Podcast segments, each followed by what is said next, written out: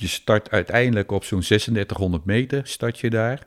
Nou, dus dat was echt een onvergetelijke ervaring. Dus Zo dacht ik eh, vooruit. En eh, toen zeiden ze, nou, dat gaat hier even anders. Dat kost al wat meer tijd en oefening.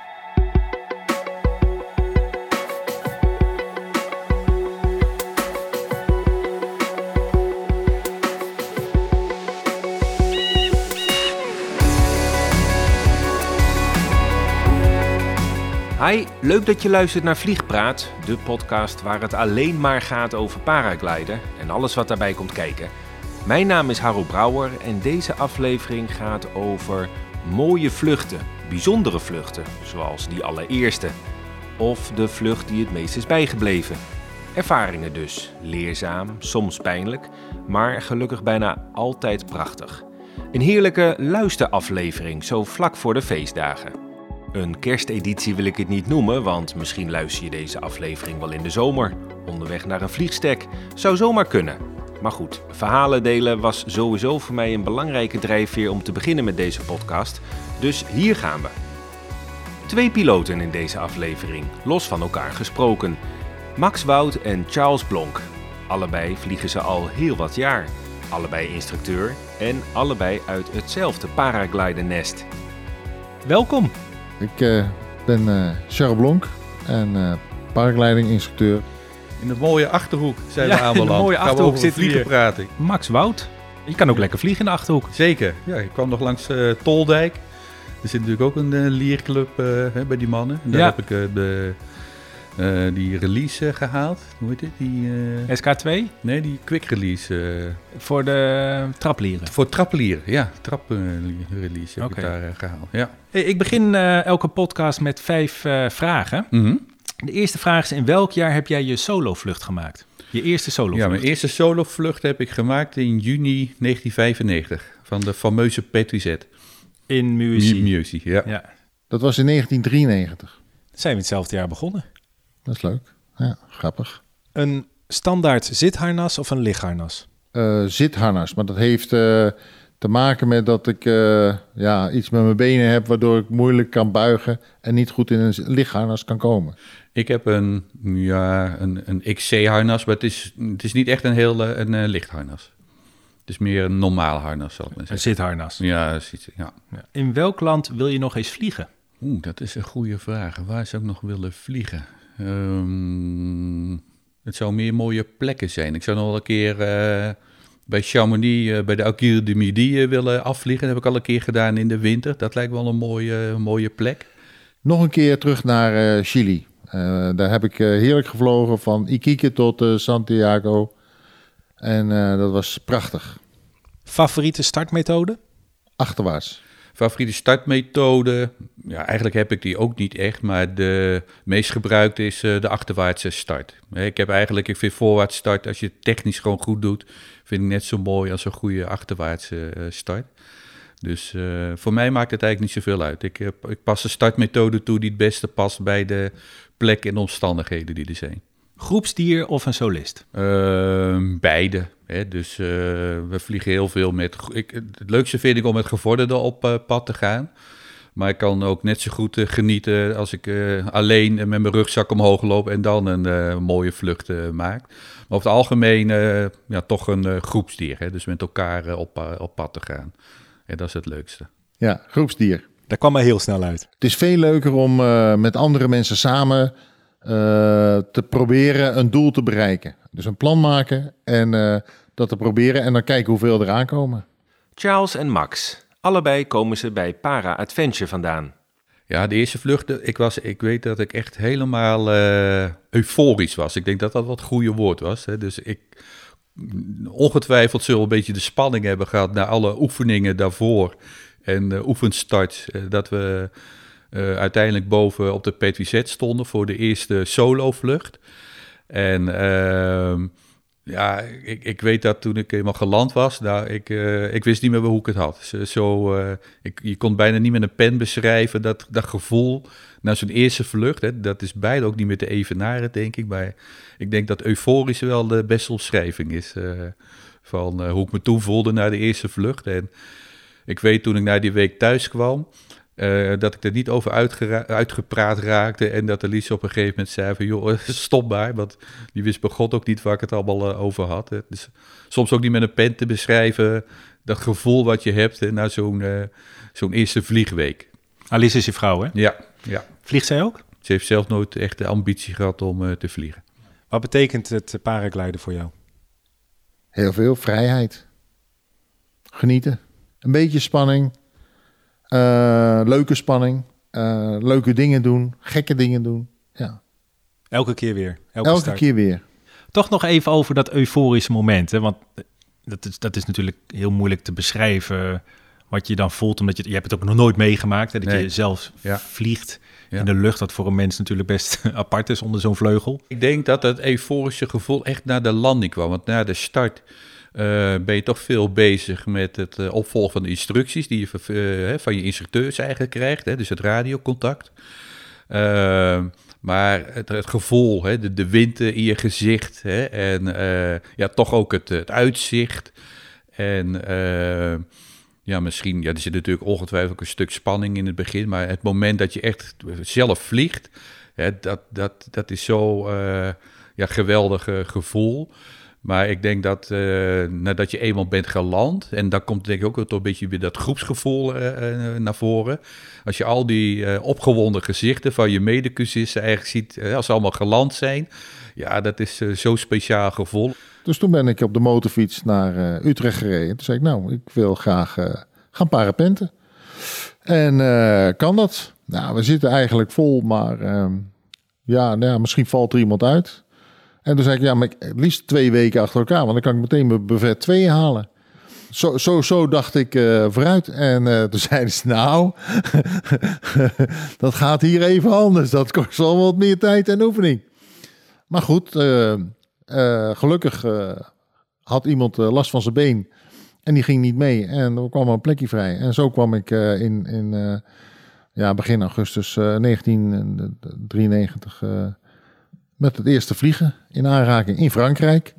Ja, prachtig. Relaxed. Genieten. Ik heb ook nooit eh, eh, toen nooit angst gehad eigenlijk. Zo'n vertrouwen in, in eh, het instructieteam. Dat ik denk, nou, als zij zeggen dat het kan, dan kan het. En, en ik heb gewoon gedaan wat, wat ik moest doen. En, en klaar. Zo simpel was dat.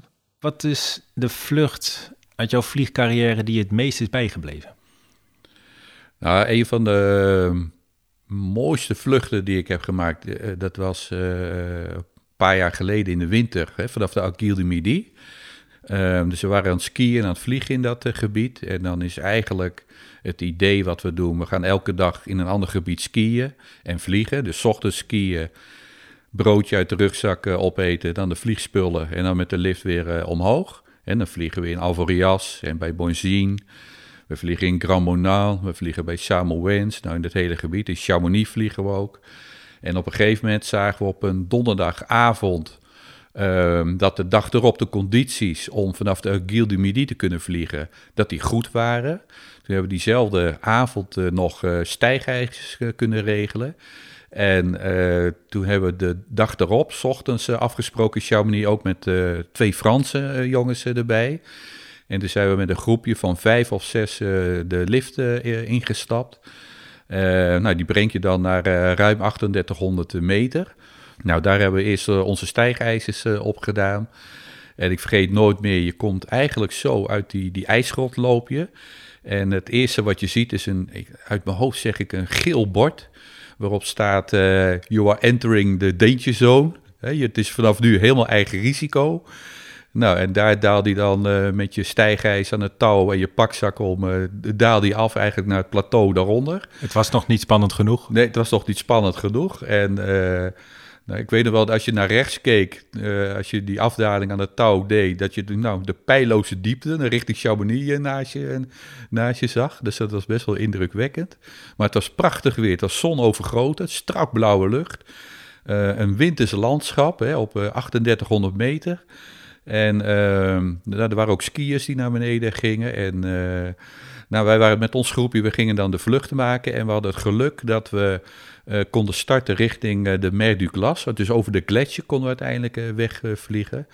Nou, dus dat was echt een onvergetelijke ervaring. Dus je start uiteindelijk op zo'n 3600 meter, start je daar.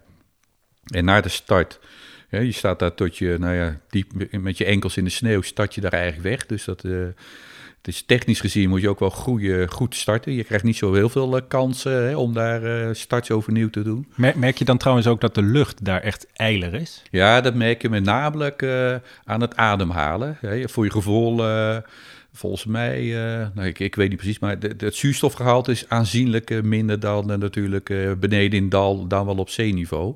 Maar je merkt dat zeker wel, hè. de lucht is een stuk eiler. bij de start op zich merkte ik dat niet zo. Maar ik, ik, kan me goed herinneren dat na de start dat we naar links wegvlogen. Het was echt een majestueus uitzicht eigenlijk, met torenhoge pieken om je heen. En we vlogen over de gletsjer, vlogen we weg.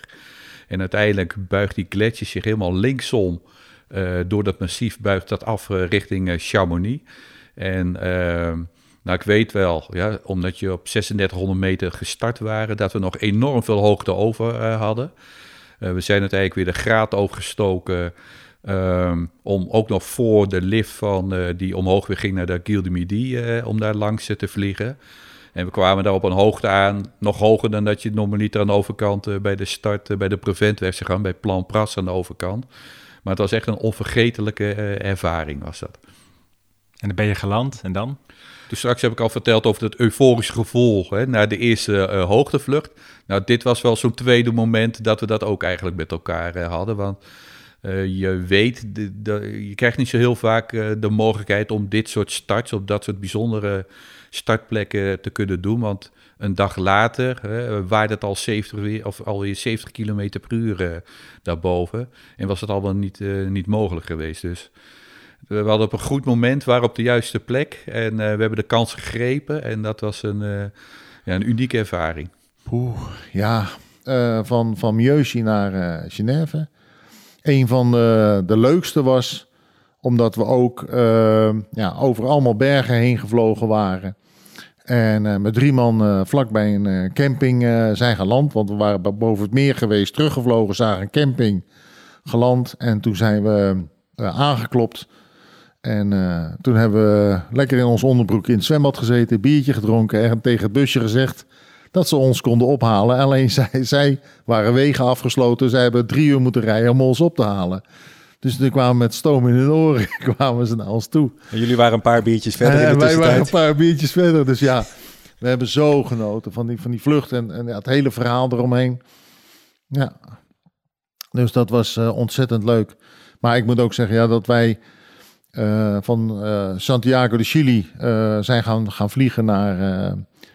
eigenlijk naar Iquique, hè, maar dat was elke dag gingen we dan weer verder. En dan werden we gewoon naar boven gebracht. En dan, uh, als, je, als je landde, dan werd je de volgende plek naar boven gebracht. Ja, en dan maakte je dus gewoon vluchten van 30, 60, 90 uh, en, en, meer kilometers. En uh, eentje heeft toen, toen 180 kilometer gevlogen of zo. Dus dat is zo'n mooi land, zo'n zo'n prachtig gebied. Ja. Wat is de langste vlucht eigenlijk, Charlie, die jij hebt gemaakt? Ja, rond de 100 kilometer of zo, dat was het. Ja. Ja, in een rechte lijn dan. Hè? Want ik, ik deed, het, dat heb ik ook nooit gedaan, aan, aan meten of zo. Kijk, tegenwoordig kan het allemaal heel makkelijk. Maar toen was het gewoon uh, ja, lekker vliegen en ja, ongeveer 100. Het, het gaat mij om, om omdat ik heb zitten worstelen en, en, en eronder uitgezakt ben. En van beneden weer helemaal naar boven en dat je weer verder komt. Um, dat vind ik belangrijk. Ik heb ook het meer van Annecy rondgevlogen. En dan bedoel ik niet de kleine, maar de grote triangel.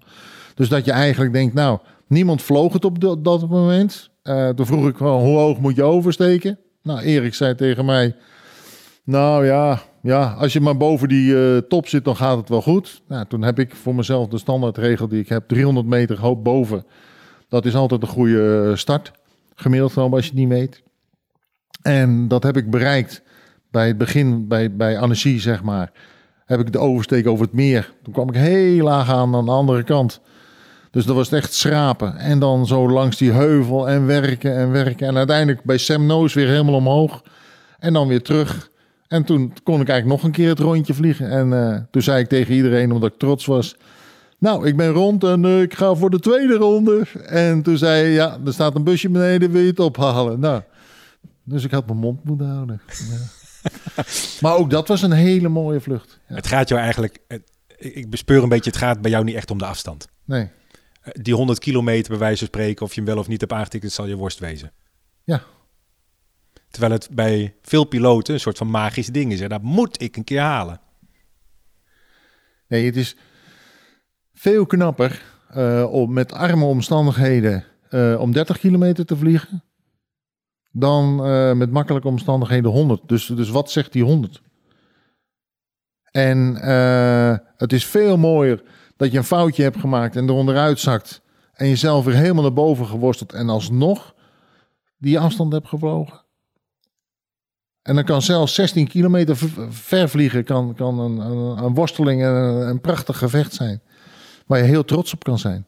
Dus, dus voor mij gaat het om ja, het totaalplaatje eigenlijk. Heb je ook wel eens een ervaring gehad die ja, je liefst zou vergeten, maar die wel heel belangrijk voor je is geweest? Ehm, nou ja, ik kan me herinneren dat we eh, eh, bij Monaco aan het vliegen eh, zijn geweest. Daar waren we ook met eh, nieuwe schermen eh, aan, het, eh, aan het vliegen, die zo uit, de, de- uit de zak eigenlijk kwamen.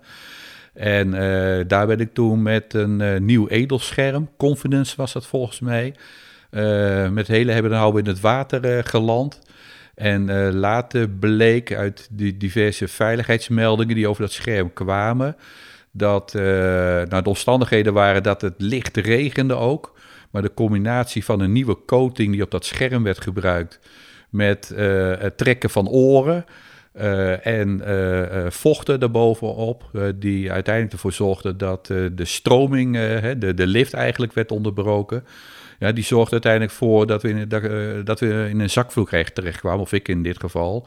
En daardoor met hele hebben en houden in zee geland zijn.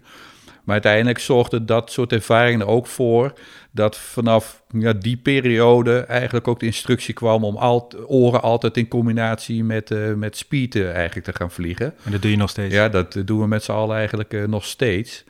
Ja, en dan, ja, dan zie je eigenlijk dat vanuit dat soort praktijkervaringen wordt onze sport ja, stap voor stap ook beter. Hè? Of je krijgt ook nieuwe instructies om, nou in dit geval oren met, met speed te vliegen.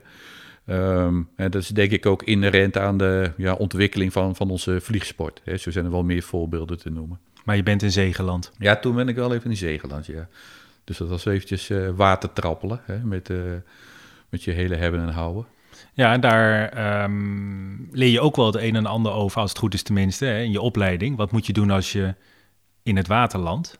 En wat moet je vooral ook niet doen? Hoe heb jij dat toen aangepakt? Want je zag dus dat je niet meer het land haalde. Uh, nou, in ieder geval zorgen dat je niet in je lijnen verstrikt uh, raakt. Hè? En uh, um, het was niet nodig bijvoorbeeld om je reserve te trekken. Hè? Dus als je te water gaat en je hebt bijvoorbeeld, het is niet nodig om je reserve te trekken, zou ik dat in ieder geval niet doen. Hè? Dus je moet in ieder geval zorgen dat je uit je buurt van je scherm blijft en niet verstrikt raakt in, je, in je lijnen. Heb jij bijvoorbeeld vlak voordat je in het water landde je, je harnas Nee, die tijd had ik eigenlijk niet, omdat het op vrij lage hoogte toch uiteindelijk uh, gebeurde. Je kon jezelf uh, niet losklikken al? Nee, niet, nee, niet uh, zo vlak van tevoren. Dat, dat is op zich was het wel beter, maar ik weet wel dat ik geen moment in paniek ben geraakt omdat ik goed kan zwemmen hè, en dat soort dingen. Maar um, het, het verreweg het belangrijkste is dat je, als je zoiets zou meemaken, dat je scherm ook achter je laat landen. Dat je als het ware vlak voor je landing flat en het scherm achter je laat vallen, dus tegen de wind in laat landen. En dan gewoon van je scherm uh, wegzwemt. Hè, dat is verreweg het, uh, het belangrijkste. Was er uh, snel iemand bij jou om je op te pikken? Ja, er waren toevallig ook wat testpiloten van Nova en Swing. Die waren ook met scherm aan het testen. Dus een van de jongens is op zijn surfplank naar me toe gepeddeld. En samen zijn we terug naar, het, naar het strand toe nou, gepeddeld eigenlijk weer. Het leermoment is wel dat uh, ook toen waren de omstandigheden niet altijd, uh, althans op dat moment, ideaal. maar dit was een, hier kwam een combinatie van factoren bij elkaar. Hè? Dus op dat moment hadden we niet de wetenschap of de kennis dat ehm, dit type scherm in ieder geval, dat dat een groot risico had om in een zakvloeg te raken. eh, door de combinatie van eh, de nieuwe type coating wat werd gebruikt in combinatie met, eh, met, eh, met regendruppels. Ben je wel eens bang in de lucht? Nou, laatste jaren wat meer, maar vroeger eh, nooit eigenlijk. Dan deed ik gewoon de dingen en dan, dan, dan kwam dat ook allemaal goed. Was je misschien toen meer overmoedig? Ja, dat zou best kunnen. Ik heb eh, wel hele bijzondere figuurtjes uitgehaald. Ja. Nou, noem er even één, eh, Charlie. noem eens even een bijzonder figuurtje. Wat heb je uitgehaald? Ja, dat was eh, best wel spectaculair in de zin van... eh, En was het bewust of onbewust? Wil ik ook weten. eh, nou, we hebben met z'n allen... eh, deden we natuurlijk al tandemvliegen. En we deden regelmatig in Mieuxie dat eh parachutisten bij ons uit de tandem eh, sprongen. Dus dan vlieg je alleen met je scherm, wat natuurlijk veel te groot is, boven je. Wat, wat heel zacht aanvoelt, want je bent in één keer 100 kilo kwijt. Ehm, landje. Maar goed, dat was al wat eh, saai geworden voor ons. Dus toen wij eh, met z'n allen naar Turkije gingen. En dan gingen we naar boven naar de Babbedag. En dan gingen we dus met drie parachutisten en eh, drie tandempiloten. Starten we tegelijkertijd. En toen gingen we alle drie in een eh, stijlspiraal. Want de bedoeling was dat we vanuit die stijlspiraal ehm, de passagiers zouden eh, lanceren. Dus daar was een speciaal eh, release systeempje voor gemaakt. En toen had ik, dat is eh, bijvoorbeeld een foutje. Eh, ik was wel beginnend nog, hè, tandempiloot, maar goed. Toen eh, draaiden we eh, lekker hard allemaal. En alleen ik ben aan het gewicht. En eh, degene die ik bij me had, ik noem geen namen, maar die is ook aan het gewicht. Dus we zaten dik op de 240. En we doen een stijlspiraal zoals ik hem altijd deed. Heftig en snel. En dat ging goed. En we gingen zo hard rond dat zijn release systeempje even niet werkte. En daarna werkte het automatisch, want het ging stuk wat, wat gemaakt was. En toen vloog dus de piloot tijdens die stijlspiraal. Eigenlijk werd hij gelanceerd. en hij moest zichzelf eerst eh, stabiliseren. En eh, daarna eh, deed hij zijn shoot uit. En is hij gewoon eigenlijk geland op het strand. Maar omdat dus dit release systeem eerst de ene kant losging en toen de andere kant, kwam één moment al het gewicht aan één kant van het triaal. En toen was mijn eh, tandem in tweeën gescheurd in het midden. Dus dat was wel een dingetje. Dus ik zit in die stijlspiraal, ik kijk omhoog en ik denk, jeutje, wat nu? Ja, ik denk het is stabiel. Ik zit netjes boven de landingsplek. Laat ik dit doen. Ik kan altijd mijn reserve nog wel gooien. Dus uiteindelijk ben ik die stijlspiraal steeds langzamer laten vliegen. En toen een hele mooie langzame bocht, alleen op gewicht sturend. En toen ben ik netjes eh, op de landingsplek op de juiste positie eh, geland. De, de daalsnelheid was wel wat groter met die scheur in het midden. Die zat in het eh, midden van je scherm. die zat in het midden van het scherm. Ja, dus de, alle, die, die, die lijnen hadden gewoon die twee... ja, die, die hadden het gewoon afgescheurd. Al, alle kracht zeg maar, kwam, kwam met G-krachten erbij op één kant. En de andere kant niet. En ja, dat was wel een dingetje. Maar dus wat dat- heb je daarvan geleerd? Niet meer doen. En, en, en ja, ik had dat lintje niet gemaakt. Maar los daarvan, waar het, waar het fout ging, was... Het, het, het, eh, één, nadenken over het gewicht en dat. Maar omdat we altijd leuke dingen deden in Turkije... en wat, wat speciale actietjes... eh, ja, was dit er één van. En je kende geen angst. Nee. En ik heb hem ook netjes geland. Het is allemaal prima. En we, en we vonden dus stukjes ook netjes bij de vouwplaats daar eh, onder op het strand. Konden we terugvinden. Toen konden we ook zeggen: kijk, het naadwerk is eh gebarst. Het was niet sterk genoeg. Maar eh, daar hebben we nog wel eh, ja, om over gepraat toen. En je, je, je zei van ja, ik, laatste jaren wel wat meer angst. Wat dan? Ja, je wordt gewoon ouder. Je merkt het met motorrijden, je merkt het met parapenten, je wordt voorzichtiger. En je wil gewoon geen eh, incidenten. Dat wil je gewoon voorkomen. Je hebt zelf ook wat meegemaakt. Een Ja. crash. Ja. Wat is er gebeurd?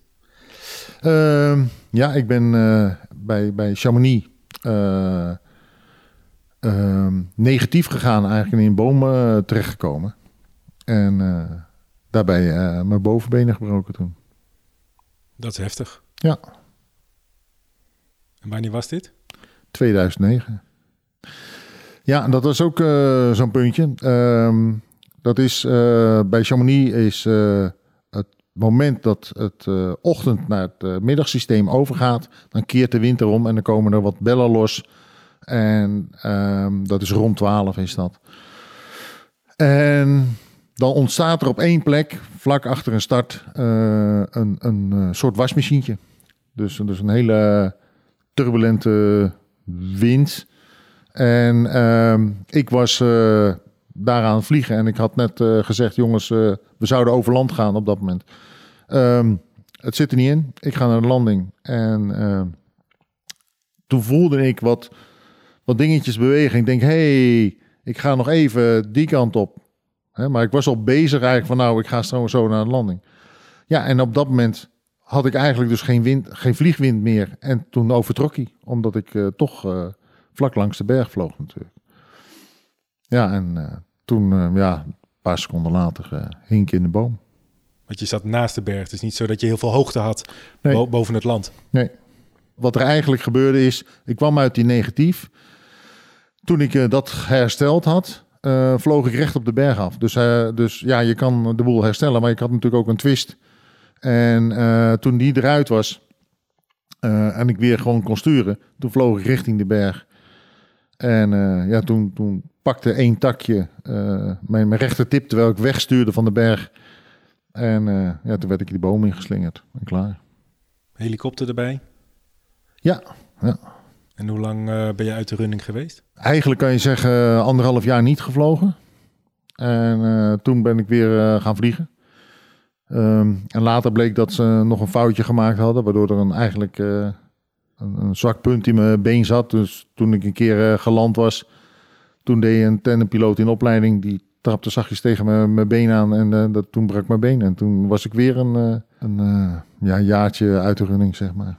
We zijn nu elf jaar later. Heb je er nog steeds last van, van dat ongeluk? Ja, mijn benen zijn wat, wat stijver. Daarom kan ik ook niet in een eh. Maar ik vlieg nog net zo graag. Dat is, dat is, dus ik bedoel, ik ben eh, anderhalf jaar later eh, was ik alweer in, in eh, aan het vliegen. En de eerste vluchten waren wel spannend. Hè, en dat je ook dan denkt, oh, voorzichtig met die benen. Maar ja, dat, dat komt eh, vanzelf. Dat moet weer groeien. Vertrouwen.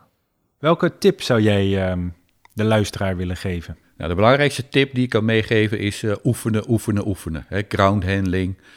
Zorgen dat je scherm goed onder controle hebt, dat je scherm ook goed kent. En, eh, maar ook voor de piloten die al lang vliegen, hè, eh, zou ik als tip ook mee kunnen geven als je uit de tijd komt, eh, de jaren 90, waarin ik ook heb gevlogen. Hè, en je bent nu weer aan je tweede of aan je derde en vierde scherm nou, bezig. Pas je vliegstijl ook op, op de nieuwe schermen aan. Hè. Ik zie in de praktijk nog wel dat eh, met name gevorderde piloten, piloten die al heel lang vliegen, eigenlijk dezelfde vliegtechniek toepassen als dat ze in de jaren 90 zouden doen. Als ik het maar even vergelijk met eh, de nieuwe moderne hybride auto's. Als je zuinig wil rijden, moet je je rijstijl daar ook op aanpassen. Dus je rijdt je nieuwe auto, eh rij je op een andere manier dan je Opel Kadett eh, in, in de jaren 90. En datzelfde geldt eigenlijk voor de moderne schermen. Je ziet toch dat eh, eh, piloten met de nieuwe schermen te veel, geremd, te veel geremd vliegen als het ware. En daarmee haal je niet het optimale eigenlijk uit je, uit je, uit je nieuwe scherm. Dus daar kun je ook een hoop winst in, in halen. Dus dat zou bijvoorbeeld een tip kunnen zijn voor de piloten die al heel veel jaar vliegen en van de, vanuit de oude schermen nu aan de nieuwere schermen vliegen. Ga lekker vliegen. Vlieg altijd met plezier, zonder jezelf en anderen in gevaar te brengen. En vlieg op het niveau wat bij je past. Dus eigenlijk zeg ik, eh, de ene gaat over land vliegen, de andere gaat eh, oefeningetjes doen. En als je meer wil, dan wordt het steeds noodzakelijker dat je dus een SIF-cursus gaat volgen. Want op het moment dat je de grenzen op gaat zoeken, dan is het belangrijk dat jij eh, kleine en grote inklappers, voelstols, negatiefs en allemaal beheerst. Zodat je op het moment dat het erop aankomt, eh, in die ene seconde die je hebt, alle juiste reacties doet. En als je in die ene seconde reageert, dan vallen daarna de effecten mee. Dan lijkt het, oh, nou, dat viel wel mee. Maar dat is omdat je goede reflexen hebt. Nou, super. Oké. Oké. Tot zover deze aflevering met Max Wout en Charles Blonk. Vond je het een leuke aflevering? Laat het even weten, bijvoorbeeld door een positieve recensie achter te laten in je favoriete podcast-app. Een mailtje sturen kan natuurlijk ook, harro-hebmp.nl. Ik hoop dat je een donatie wilt doen om paragliding vliegpraat in de lucht te houden. Dat kan via de website petje.af schuine streep vliegpraat. Voor nu zeg ik prettige feestdagen, zomervakantie of wanneer je ook luistert. Sowieso misschien een mooi moment om ook andere afleveringen te beluisteren waar je nog niet aan bent toegekomen. Ze staan allemaal bij elkaar in de app of website die jij gebruikt om naar Vliegpraat te luisteren. Mooie vluchten en tot de volgende!